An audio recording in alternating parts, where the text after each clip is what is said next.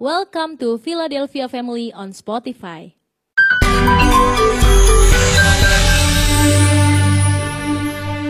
Haleluya, shalom. Shalom, puji nama Tuhan. Saya sangat bersuka cita kalau pada sore hari ini boleh dipercayakan untuk menyampaikan kebenaran firman Tuhan. Haleluya. Mari Bapak Ibu Saudara terkasih dalam Tuhan, kita akan belajar kebenaran firman Tuhan. Kita buka di dalam Markus 5. Markus 5 ayat yang ke-21. Haleluya. Kita mau belajar dari kisah mujizat yang luar biasa yang Tuhan sudah kerjakan bagi kita di dunia ini. Kita mau buka dalam Markus 5 ayat 21, saya undang jemaat Tuhan untuk bangkit berdiri, kita menghormati pembacaan firman Tuhan yang pertama. Kita akan bergantian membaca dari ayat 21 sampai ayat yang ke-28. Saya akan baca ayat 21, saudara baca ayat yang ke-22, kita bergantian sampai ayat yang ke-28. Demikian firman Tuhan, Sesudah Yesus menyeberang lagi dengan perahu, orang banyak berbondong-bondong datang lalu mengerumuni dia. Sedang ia berada di tepi danau. Ayat yang ke-22.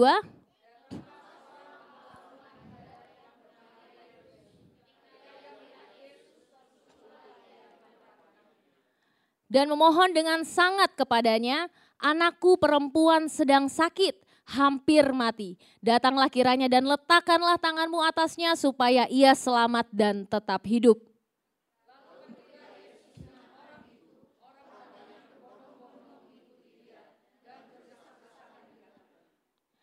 Adalah di situ seorang perempuan yang sudah 12 tahun lamanya menderita pendarahan.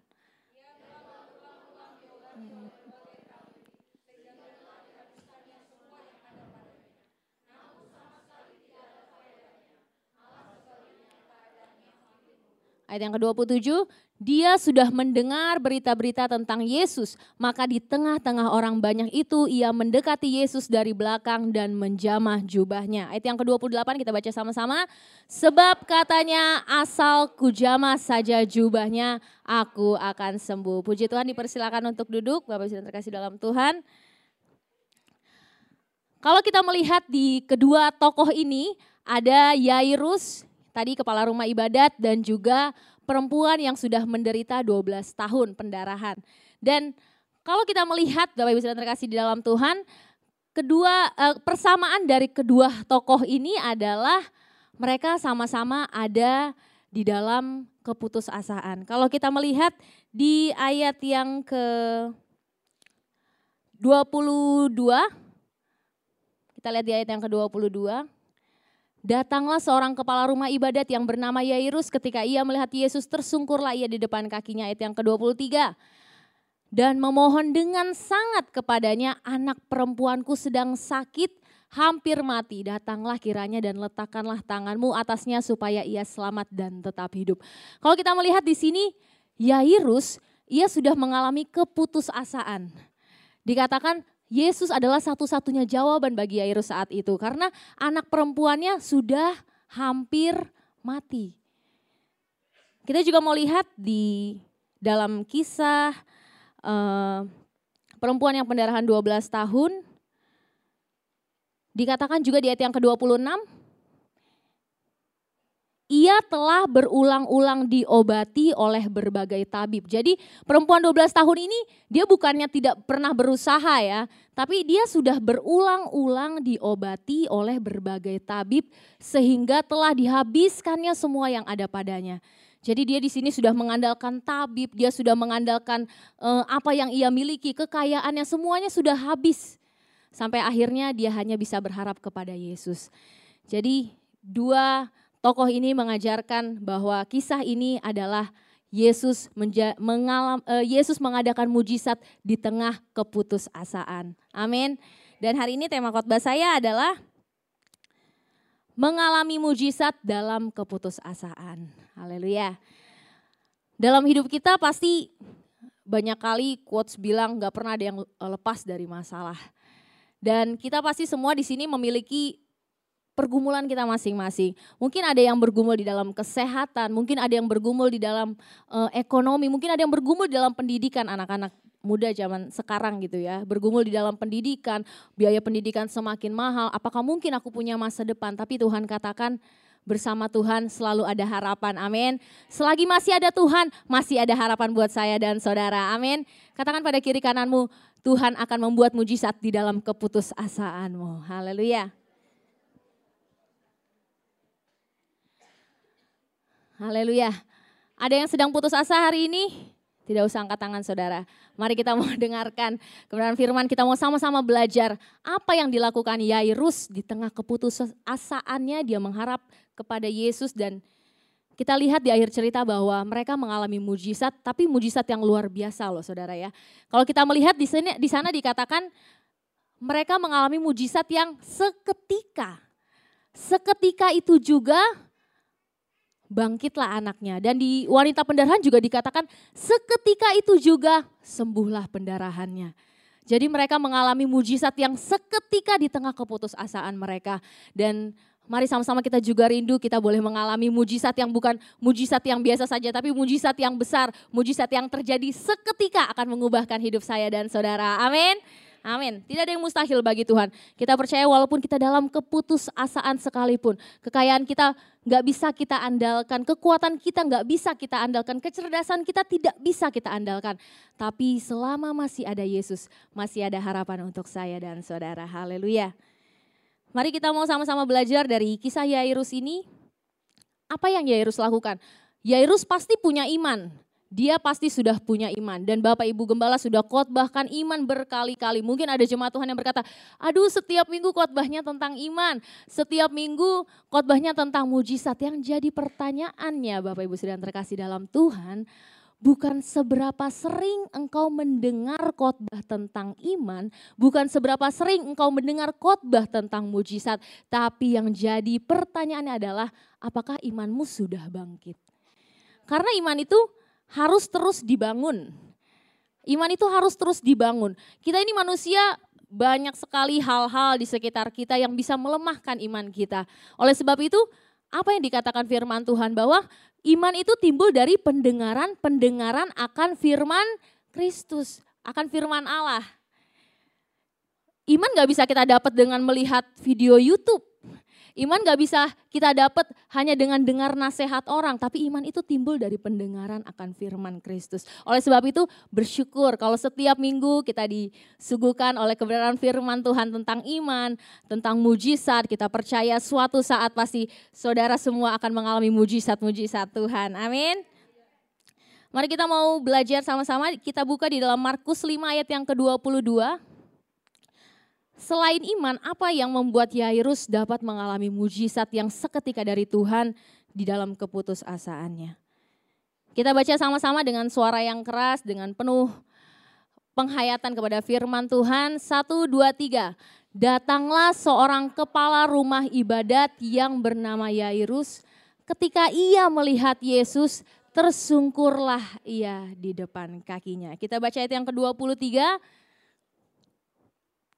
Dua, tiga. Dan memohon dengan sangat kepadanya, anakku perempuan sedang sakit, hampir mati. Datanglah kiranya dan letakkanlah tanganmu atasnya supaya ia selamat dan tetap hidup. Yairus punya iman. Kalau kita lihat, Yairus punya iman bahwa Tuhan letakkan saja tanganmu atasnya, pasti anakku selamat dan tetap hidup. Tapi kalau kita lihat di ayat yang ke-22 dan 23, apa sih sisi lain dari iman Yairus ini? Selain punya iman, Yairus datang pada Tuhan dengan kerinduan dan kerendahan hati. Amin. Banyak mungkin di sini kita sebagai anak-anak Tuhan, kita ber, kita berbicara, kita percaya dengan mulut kita, Oh aku percaya mujizat Tuhan, aku percaya pasti pendidikanku Tuhan tolong, aku percaya pasti kesehatanku Tuhan sembuhkan. Tapi mungkin kita di dalam hati kita belum ada kerendahan hati dan kerinduan yang dalam akan Tuhan. Di sini dikatakan Yairus adalah seorang kepala rumah ibadat. Tapi Yairus memohon dengan sangat. Dikatakan memohon dengan sangat kepadanya kepada Yesus. Dan kalau kita lihat tadi di ayat yang ke-21 di situ banyak orang. Ada e, masyarakat semua orang-orang Israel banyak sekali. Dan kalau kita lihat pasti mereka banyak yang punya juga masalah gitu ya. Gak menutup kemungkinan mungkin banyak yang sakit, banyak yang uh, punya hutang sehingga harus diselesaikan. Mereka ingin juga mengalami mujizat Tuhan. Tapi mujizat Tuhan datang kepada Yairus yang apa saudara? Yang memiliki kerendahan hati dan kerinduan yang dalam akan mujizat Tuhan. Oleh sebab itu tahun depan adalah tahun mujizat. Kita semua percaya amin? Amin kita semua percaya amin? Tapi yang mengalami mujizat adalah orang-orang yang memiliki kerinduan akan mujizat Tuhan. Yang datang dan rindu, Tuhan aku rindu untuk mengalami mujizatmu. Lawan kata dari kerendahan hati apa saudara? Sombong. Hanya orang-orang yang memiliki kerendahan hatilah yang akan diberikan mujizat Tuhan. Orang-orang yang sombong tidak akan mengalami mujizat Tuhan. Dia selalu meremehkan kebenaran firman Tuhan. Ia selalu meremehkan mujizat Tuhan. Mana mungkin mujizat Tuhan terjadi? Mana mungkin Tuhan bekerja di dalam hidupku? Aku sudah habis semuanya. Mungkin Yairus bisa berkata kalau dia tidak punya kerendahan hati dan dia tidak rindu akan mujizat Tuhan. Bisa saja, ah sudahlah anakku sudah mau mati atau mungkin wanita pendarahan berkata, ah sudah 12 tahun saya sakit, gak mungkin saya sembuh. Mungkin kalau kita baca ceritanya seperti mudah itu ber, uh, itu semua mujizat berlalu gitu ya. Tapi kalau kita yang mengalami sendiri gitu ya, sakit yang ringan saja deh, sakit kepala dua jam aja. Aduh, udah udah males gitu ya, udah udah kayaknya udah mau lemah iman gitu. Karena apa saudara? Karena memang wanita pendarahan ini dan Yairus ini mengalami penderitaan yang sangat dalam gitu. Ia akan kehilangan anaknya, tapi dia masih bisa membangkitkan imannya kepada Tuhan dengan kerinduan yang besar kepada Tuhan dengan kerendahan hati. Tadi dikatakan dalam firman Tuhan bahwa Tuhan suka orang-orang yang rendah hati dan lawan kata dari rendah hati adalah sombong. Apa itu tanda-tanda orang yang masih sombong? Yaitu adalah mengandalkan kekuatannya sendiri. Tuhan tidak akan memberikan mujizat bagi orang-orang yang masih mengandalkan kekuatannya sendiri. Kalau kita baca di dalam Yeremia 17 ayat 5 dan 7, Yeremia 17 ayat yang kelima dikatakan, terkutuklah orang yang mengandalkan manusia, yang mengandalkan kekuatannya sendiri dan yang hatinya menjauh daripada Tuhan. Di sini bukan dikatakan uh, oh kalau orang-orang yang tidak mengandalkan Tuhan, yang mengandalkan manusia dibiarin aja. Enggak saudara, malah terkutuk Tuhan katakan dalam firman Tuhan.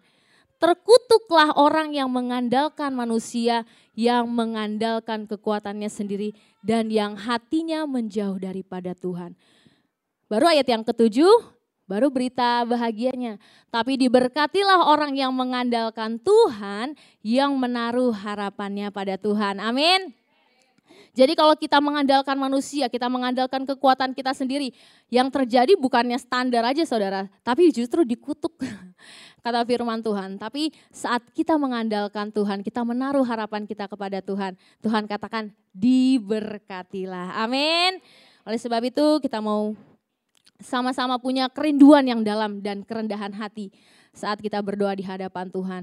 Saya suka melihat ada ibu-ibu, ada anak-anak Tuhan yang datang ke Pondok Daud Mungkin ada ada juga yang memiliki pergumulan. Kalau kita tersungkur di hadapan Tuhan, kita meneteskan air mata, kita berdoa kepada Tuhan, saya percaya itu semua Tuhan lihat dan Tuhan dengar. Amin. Setiap kerendahan hati kita, setiap kerinduan hati kita, kita percaya Tuhan sudah melihat itu semua. Haleluya. E, pernah Bapak Gembala katakan bahwa sesuatu turun ke tempat yang rendah. Pernah saudara lihat e, sesuatu turunnya ke atas pasti nggak pernah ya. Karena kalau kita lihat air pasti turunnya ke bawah gitu. Pernah sekali saya lihat ke, di puncak gitu airnya naik ke atas, makanya saya bingung waktu saya tanya sama ini kok bisa ya airnya naik ke atas. Tapi tidak menemukan jawabannya apa itu ujungnya. Jadi selalu air pasti turunnya ke bawah. Demikian juga kuasa Tuhan akan mengalir untuk kita semua yang rendah hati di hadapan Tuhan. Haleluya. Coba kita buka dalam 1 Petrus 5 ayat yang ke-6. 1 Petrus 5 ayat yang ke-6. Karena itu rendahkanlah dirimu di bawah tangan Tuhan yang kuat supaya kamu ditinggikannya pada waktunya. Amin.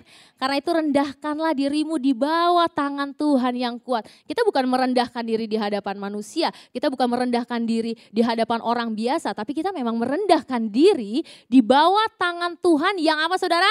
Yang kuat. Jadi kita merendahkan diri bukan di tangan orang biasa, tapi kita merendahkan diri di tangan Tuhan yang kuat dan kita percaya suatu saat kita akan ditinggikannya pada waktunya. Haleluya. Mari kita mau belajar di poin selanjutnya dalam kisah Yairus ini. Kalau kita lihat di ayat yang ke-22 tadi, di sini Yairus baru hampir uh, sorry, uh, anak Yairus baru hampir mati. Tapi di ayat yang ke uh, selanjutnya itu dikatakan bahwa ada orang-orang yang berkata, guru, anakmu sudah mati, apalagi engkau, uh, Yairus, anakmu sudah mati, apalagi perlunya engkau menyusahkan guru. Jadi ini ternyata bukan semakin baik loh ini karena si Yairus bertemu Tuhan. Tapi justru dalam perjalanan Yairus belum sampai ke rumahnya justru semakin memburuk. Sebelumnya hampir mati sampai akhirnya beneran mati, meninggal gitu ya. Anakmu sudah mati, apa perlunya lagi engkau menyusah-nyusahkan guru. Justru ini keadaannya semakin memburuk saudara. Tapi coba kita lihat ayat 36 apa yang Tuhan katakan buat Yairus. Ini sangat luar biasa kita mau baca sama-sama dengan penuh iman di hadapan Tuhan. Satu, dua, tiga. Tetapi Yesus tidak menghiraukan perkataan mereka dan berkata kepada kepala rumah ibadat, jangan takut, percaya saja. Amin. Amin. Sekali kita baca sama-sama, satu, dua, tiga. Tetapi Yesus tidak menghiraukan perkataan mereka dan berkata kepada kepala rumah ibadat, jangan takut, percaya saja. Amin. Kadangkala Tuhan mengizinkan keadaan kita semakin hari kok Tuhan semakin buruk Tuhan yang aku alami. Kok pendidikanku semakin hari semakin buruk Tuhan. Kok keluargaku semakin hari semakin buruk Tuhan. Kok kesehatanku semakin hari semakin buruk Tuhan. Seperti Yairus di sini dikatakan anaknya baru hampir mati tapi akhirnya apa saudara? Yang terjadi justru anaknya mati beneran. Justru anaknya itu meninggal, tapi ada orang-orang yang berkata, Gak usah lagi engkau menyusahkan Yesus, gak usah lagi engkau menyusahkan guru. Anakmu sudah mati. Banyak kala orang merendahkan kita, merendahkan iman kita. Tapi apa yang Tuhan katakan di ayat yang ke-36, Tuhan katakan bahwa tetapi Yesus tidak menghiraukan perkataan mereka dan berkata kepada kepala rumah ibadat, berkata kepada Yairus, dikatakan apa? Jangan takut, percaya saja. Amin. Oleh sebab itu Tuhan katakan saat ini juga kepada saya dan saudara pada malam hari ini. Tuhan katakan lewat kebenaran firman Tuhan pada malam hari ini.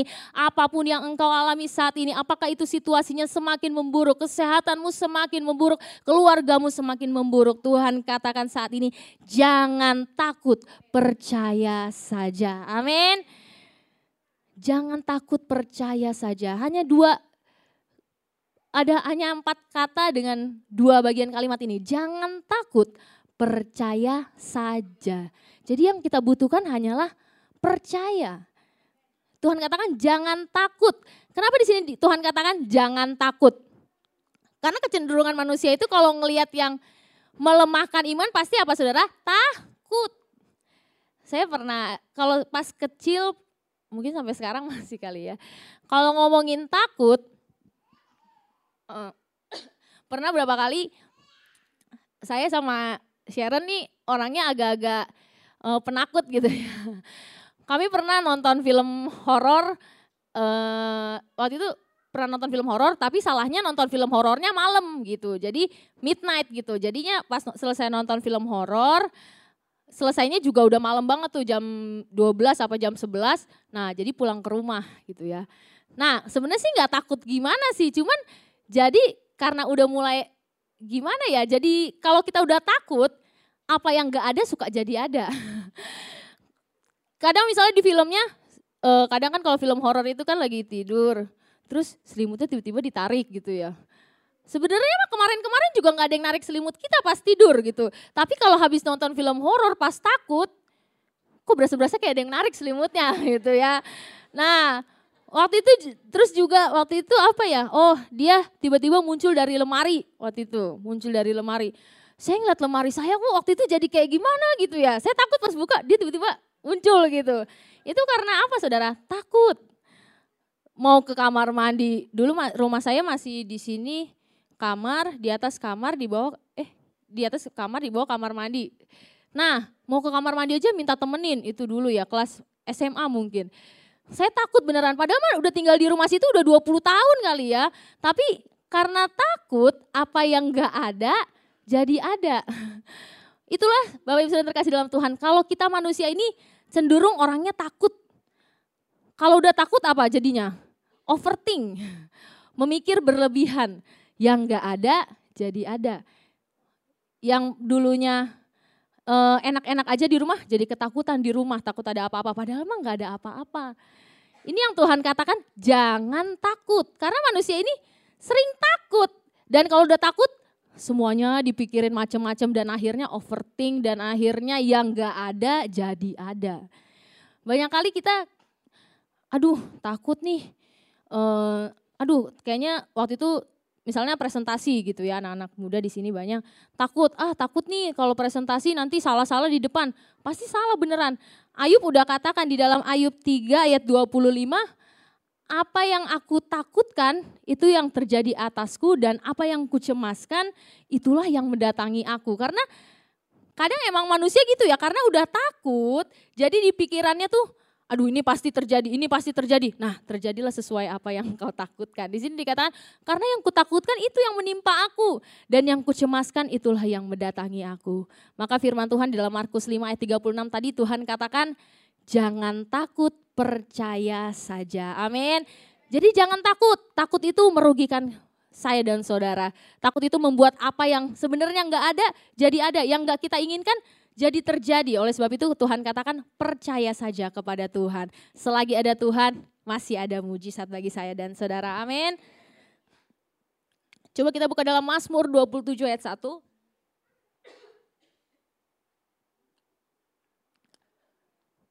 Kita membaca sama-sama, satu, dua, tiga. Tuhan adalah terangku dan keselamatanku. Kepada siapakah aku harus takut? Tuhan adalah benteng hidupku, terhadap siapakah aku harus gemetar. Amin. Tuhan adalah terang dan keselamatanku. Kepada siapa aku harus takut? Tidak ada yang harus kita takutkan di dunia ini. Kita hanya harus takut kepada Tuhan. Amin. Dan Tuhan adalah benteng hidupku terhadap siapakah aku harus gemetar. Jadi kita mau sama-sama percaya kepada Tuhan. Amin. Kita percaya bahwa di dalam Tuhan, Tuhan sanggup melakukan segalanya. Tadi yang pertama dikatakan bahwa datang kepada Tuhan dengan kerendahan hati dan kerinduan yang besar. Dan yang kedua adalah jangan takut, percaya saja. Haleluya. Nah yang ketiga saudara, kita buka di dalam Markus 5 ayat 37. Nah ini ceritanya si Yairus ini sudah dalam perjalanan bersama Tuhan gitu ya menuju rumahnya untuk membangkitkan anaknya. Dan dikatakan bahwa lalu Yesus tidak memperbolehkan seorang pun ikut serta kecuali Petrus, Yakobus dan Yohanes saudara Yakobus ayat 38 mereka tiba di rumah kepala rumah ibadat dan di sana dilihatnya orang-orang ribut, menangis dan meratap dengan suara nyaring. Wajar Bapak Ibu sedang terkasih dalam Tuhan kalau misalnya sedang ada kedukaan pasti banyak orang yang menangis, banyak orang yang ribut, banyak orang yang meratap dengan suara nyaring. Ayat yang ke-39 Sesudah ia masuk, ia berkata kepada orang-orang itu, "Mengapa kamu ribut dan menangis? Anak ini tidak mati tetapi tidur." Ayat 40 kita baca sama-sama. Satu, dua, tiga tetapi mereka menertawakan dia. Maka diusirnya semua orang itu, lalu dibawanya ayah dan ibu anak itu, dan mereka yang bersama-sama dengan dia masuk ke kamar anak itu. Amin. Di sini dikatakan orang-orang banyak justru menertawakan Yesus loh. Padahal berita tentang Yesus pasti sudah tersiar di mana-mana. Mujizat-mujizat tentang Tuhan Yesus. Tapi memang membangkitkan orang mati itu ini adalah mujizat Tuhan yang pertama. Tuhan maka oleh sebab itu orang-orang menertawakan Yesus. Mana mungkin Tuhan engkau bisa membangkitkan orang mati? Mana mungkin Tuhan mampu melakukan mujizat itu? Tapi apa yang Yesus lakukan? Maka diusirnya semua orang itu. Tuhan gak bilang, maka Tuhan meminta semua orang itu keluar. Enggak saudara. Tapi Tuhan katakan apa? Diusir. Kalau diusir itu berarti pergi sana, pergi gitu ya. Diusir. Pernahkah kita melihat uh, sinetron Indosiar gitu ya suka ada yang mengusir uh, apa namanya anaknya gitu ya ratapan anak tiri gitu ya karena diusir jadi diusir tuh wah lebih-lebih dari disuruh keluar gitu ya bukan diminta diminta meninggalkan, bukan, tapi diusir di sini. Tuhan katakan dengan keras diusirnya semua orang itu, lalu dibawanya ayah dan ibu anak itu dan mereka yang bersama-sama dengan dia masuk ke kamar itu. Coba kita lihat lebih jelas di Matius 9 ayat 24 dan 25. Matius 9 ayat 24 sampai 25. Saya bacakan, Dengar baik, berkatalah ia, pergilah karena anak ini tidak mati tetapi tidur. Tetapi mereka menertawakan dia. Seperti yang tadi dikatakan, orang-orang banyak yang gak percaya tentang e, mujizat Tuhan menertawakan Yesus. Tapi apa yang Tuhan katakan di ayat yang ke-26? Oh, sorry. Matius 9 ayat 24 dan 25. Setelah orang banyak itu diusir, Yesus masuk. Sekali lagi saya ulang, setelah orang banyak itu diusir, Yesus masuk. Jadi apa yang dapat kita ambil dari pembacaan firman ini adalah ketika engkau, ketika kita rindu Yesus masuk melakukan mujizat dalam hidup kita, setiap keraguan yang ada di dalam hidup kita harus diusir terlebih dahulu. Amin. Jangan biarkan setiap keraguan, meremehkan firman Tuhan, meremehkan mujizat Tuhan itu masih ada di dalam hidup kita. Saya jamin setiap kita yang masih menyimpan keraguan di dalam hidup kita, Yesus nggak bisa masuk mengerjakan mujizatnya di dalam hidup kita. Setelah orang banyak itu diusir, baru Yesus masuk dan memegang tangan anak itu, lalu bangkitlah anak itu. Jadi mari setiap kita yang masih ada keraguan di dalam hidup kita, usir di dalam nama Tuhan Yesus. Amin.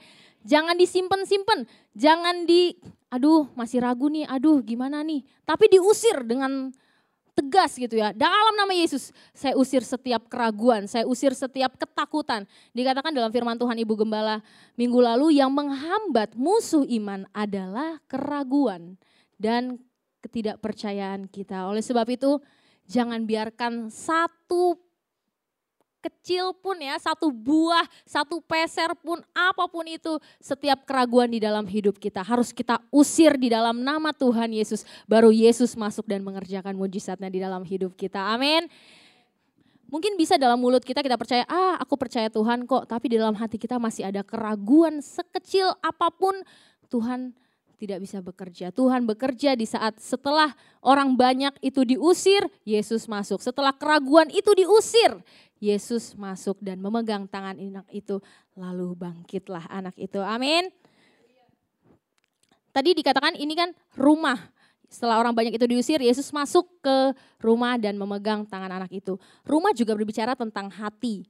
Kalau kita belajar, rumah itu berbicara juga tentang hati. Jadi setiap hati kita jangan sampai menyimpan keraguan sedikit pun, sedikit pun. Amin. Amin. Kita harus benar-benar penuhi hati kita nih penuh dengan iman Jangan ada satu persen di dalam hati kita ini keraguan, tapi harus 100 persen, 100 persennya diisi oleh kepercayaan dan iman kepada Tuhan. Di sini juga dikatakan e, berbicara juga tentang lingkungan. Nah, berbicara juga tentang lingkungan. Kalau kita sebagai anak-anak Tuhan, kita bersyukur. Anak-anak muda punya komsel, Bapak Ibu juga punya komsel. Jadi yang belum bergabung di, di setiap komunitas di gereja ini harus bergabung karena lingkungan ini menentukan kita gitu ya. Di dalam 1 Korintus 15 ayat 33 dikatakan bahwa pergaulan yang buruk merusakkan kebiasaan yang baik. Janganlah kamu sesat. Pergaulan yang buruk merusakkan kebiasaan yang baik. Kalau kita udah punya iman nih hari Minggu, wah dengerin firman Tuhan dari Bapak Gembala. Engkau harus punya iman, panggilanmu adalah tubuh Kristus, panggilanmu anak Allah. Iman kita sudah bangkit. Tapi hari Senin Siapa yang bergaul dengan kita? Orang-orang yang tidak punya harapan, orang-orang yang selalu berkata negatif, orang-orang yang gak percaya Tuhan. Apa jadinya saudara? Iman kita turun lagi. Hari Minggu didengar lagi sama Ibu Gembala. Wah puji Tuhan, tidak boleh ada keraguan. Kita sudah bangkit iman kita, tapi pergaulan kita lagi merusak kebiasaan kita yang baik. Sehingga ya yang kita dengar juga keluhan-keluhan lagi sehingga iman kita merosot lagi. Jadi pergaulan kita juga harus tetap dijaga. Kita harus punya teman-teman komunitas di gereja ini yang selalu bisa menunggu kita di dalam iman. Amin. Saya pernah cerita waktu itu pas khotbah di Biston juga uh, saya punya dua orang teman waktu saya kuliah. Saya lihat gitu teman saya yang yang satu teman saya yang satu ini dia nggak terlalu rajin. Dia dia nggak terlalu rajin, kadang bolos gitu ya kan kalau anak-anak kuliah pasti tahu ya jatah bolosnya kan tiga kali. Nah dia empat kali tuh, kadang sampai lima kali. Tapi dia ada aja caranya, sampai-sampai dia bisa uh, ya pokoknya pinter lah gitu caranya. Tapi ada satu teman saya yang wah pinter, nggak pernah ngulang, nilainya A, jago bahasa Inggrisnya. Tapi setelah skripsi, kami sama-sama skripsi, kami ambil skripsi di semester 8, termasuk saya dan dua teman saya ini gitu ya. Nah, teman saya yang satu ini yang yang bolos-bolos mulu dan kadang nilainya juga aduh eh, agak-agak kurang, deket-deket KKM nyundul-nyundul dikit gitu ya. Kalau di atas KKM nggak terlalu banyak, tapi ya masih lulus lah gitu ya, puji Tuhan. Nah, tapi teman saya yang nggak pinter-pinter banget dan nggak rajin-rajin banget ini, setiap hari dia berkata bahwa kalau ini teman-teman eh, teman saya ngomong, gue mesti lulus tahun ini, gue bisa, gue mesti lulus tahun ini. Dia berkata seperti itu. Kita waktu itu saya beda dosen pembimbingnya sama teman saya, tapi saya agak kesulitan gitu sama dosen pembimbing saya. Aku saya rasa, aduh skripsi saya agak susah gitu. Jadi saya berpikiran sama dia, ah mana mungkin sih dia bisa lulus tahun ini gitu ya. Tapi selalu kalau kami ketemu di perpus dia selalu katakan, gue pasti lulus deh tahun ini, gue pasti lulus. Terus ada buku apa namanya buku kenangan uh, alumni gitu ya. Nih nanti nama nama gue kan A nih depannya, berarti nama gue di sini nih fotonya nih. Nanti foto gue di sini nih, yang alumni nih paling depan pasti gue di sini. Nah dia punya iman gitu ya, walaupun mungkin dia bukan Kristen, tapi dia selalu memperkatakan hal-hal yang positif. Jadi kalau saya dekat sama dia, wah Iya, nama lu A, nama gue D, DI. Nah, pasti gue di sini nih. Nah, jadi kami selalu semangat gitu, saling nyemangatin satu sama lain walaupun dia nggak pinter-pinter amat. Saya lihat juga dia di perpus kadang ngambil buku entah apa nyambung apa enggak sama skripsinya dia dia ngetik-ngetik dihapus lagi saya juga lihat aduh ini anak kok kita udah bab tiga dia bab satu tapi dia selalu bilang gitu pokoknya gue mesti lulus deh tahun ini gue mesti lulus dan akhirnya apa saudara saya dan teman saya ini lulus bareng kami wisuda bareng. Waktu itu nggak banyak yang wisuda, entah kenapa saya juga bingung. Pokoknya cuma berapa puluh orang deh gitu dari kami komunikasi yang lulus waktu itu semester 8. Dan teman saya yang nggak pinter-pinter banget ini masuk salah satunya. Tapi ada satu teman satu saya yang pinter gitu ya. Aduh, kami di komunikasi broadcasting jago banget dia ngeditnya. Waktu itu kami kalau ngedit pakai aplikasi ini kayaknya udah hebat gitu ya. Dia bisa loh. Terus dia bikin film, kalau saya ngerjain PR saya nggak bisa ngedit. Teman saya yang bikinin gitu ya. Terus pokoknya apa aja dia bisa lakukan. Tapi setiap hari, aduh kalau saya ketemu sama dia lagi ngerjain skripsi, dia bilang apa? Pusing gue deh, pusing, pusing gue. Au ah, pusing, gue mau ke MOI. Gitu, karena kampus saya dekat MOI ya. Ah pusing, mau ke Kelapa Gading aja setiap hari ngomongnya pusing, pusing, pusing, pusing terus. Saya jadi kalau ikut sama dia jadi keikutan pusing beneran. Saya ngerasa kok saya jadi lama ya kalau gaul-gaul sama dia gitu. Makanya saya lebih sering sama teman saya yang ini gitu supaya nambah semangat. Walaupun pinter akhirnya lulusnya semester 10. Akhirnya dia baru wisuda di semester 10. Itu karena apa? Karena perkataannya yang negatif dan saya ngerasa gitu. Kalau saya bergaul sama yang semangat, jadi semangat. Tapi kalau saya bergaulnya sama yang nggak semangat, saya jadi nggak semangat gitu. Jadi ini yang mau saya katakan bahwa ayo kita punya lingkungan juga yang saling membangkitkan iman kita. Amin. Jangan dengarkan orang-orang yang berkata negatif, jaga pergaulan kita. Terus jaga pergaulan kita dengan orang-orang yang punya iman akan Tuhan. Kita percaya kita boleh sama-sama diberkati untuk menjadi berkat. Amin. Jadi kita semua ini adalah Anak-anak Tuhan yang rindu akan mujizat Tuhan. Nah, salinglah berbagi satu dengan yang lain. Wah, puji Tuhan, hari ini saya mengalami mujizat kesembuhan. Wah, puji Tuhan, hari ini toko saya rame. Wah, puji Tuhan, nilai UAS saya hari ini ba e, bagus. Tahun ini saya bagus nilainya. Nah, itulah yang harus kita bagikan satu dengan yang lain. Jadi jangan juga kita anak-anak Tuhan di sini, anak-anak youth terutama ya, di dalam komsel justru yang dibagikan malah keluh kesah. Boleh berbagi keluh kesah, tapi juga harus didoakan dan diiringi dengan kebenaran firman Tuhan supaya iman kita tetap bangkit di hadapan Tuhan. Amin.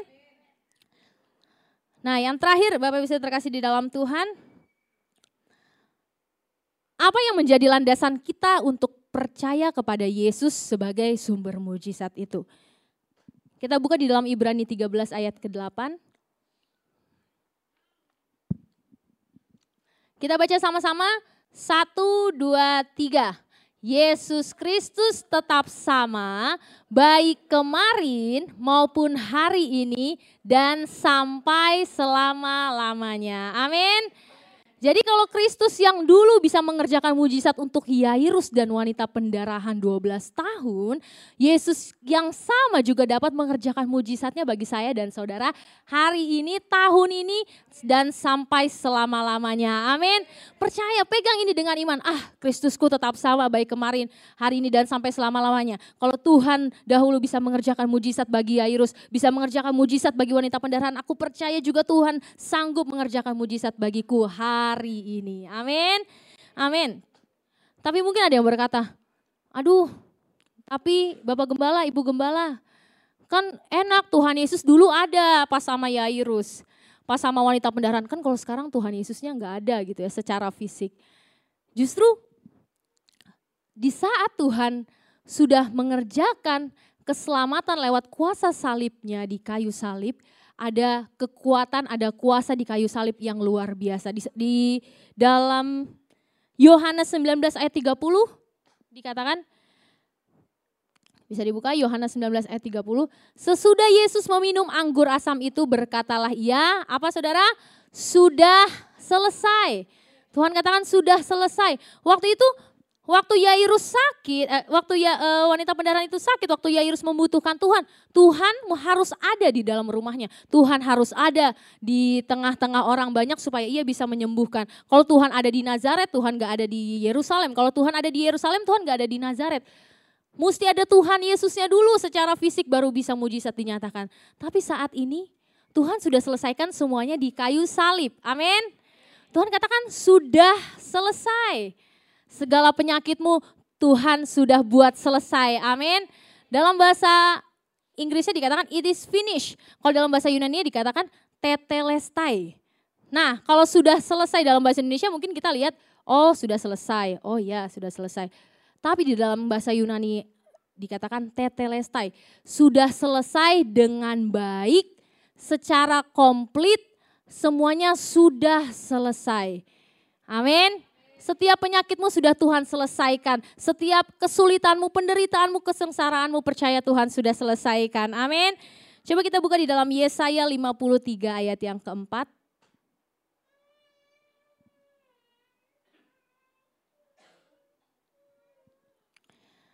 Kita baca sama-sama satu, dua, tiga. Tetapi sesungguhnya penyakit kitalah yang ditanggungnya dan kesengsaraan kita yang dipikulnya. Padahal kita mengira dia kena tulah, dipukul dan ditindas Allah. Amin. Jadi di sini dikatakan bahwa penyakit kitalah yang ditanggungnya. Dikatakan sering dalam doa-doa apalagi kita GPDI, puasa bilur-bilur Tuhan menyembuhkan. Tahukah saudara bilur-bilur itu adalah luka-luka Yesus di tangan, di kakinya. Itulah bilur-bilur Tuhan. Kuasa bilur-bilur Tuhan itu Tuhan sudah nyatakan bagi saya dan saudara saat ini. Tuhan sudah sakit dengan bilur-bilurnya waktu ia mati di kayu salib. Supaya apa saudara? Supaya kita tidak sakit lagi. Dan apa yang harus kita kerjakan untuk mengalami kuasa salib ini adalah percaya.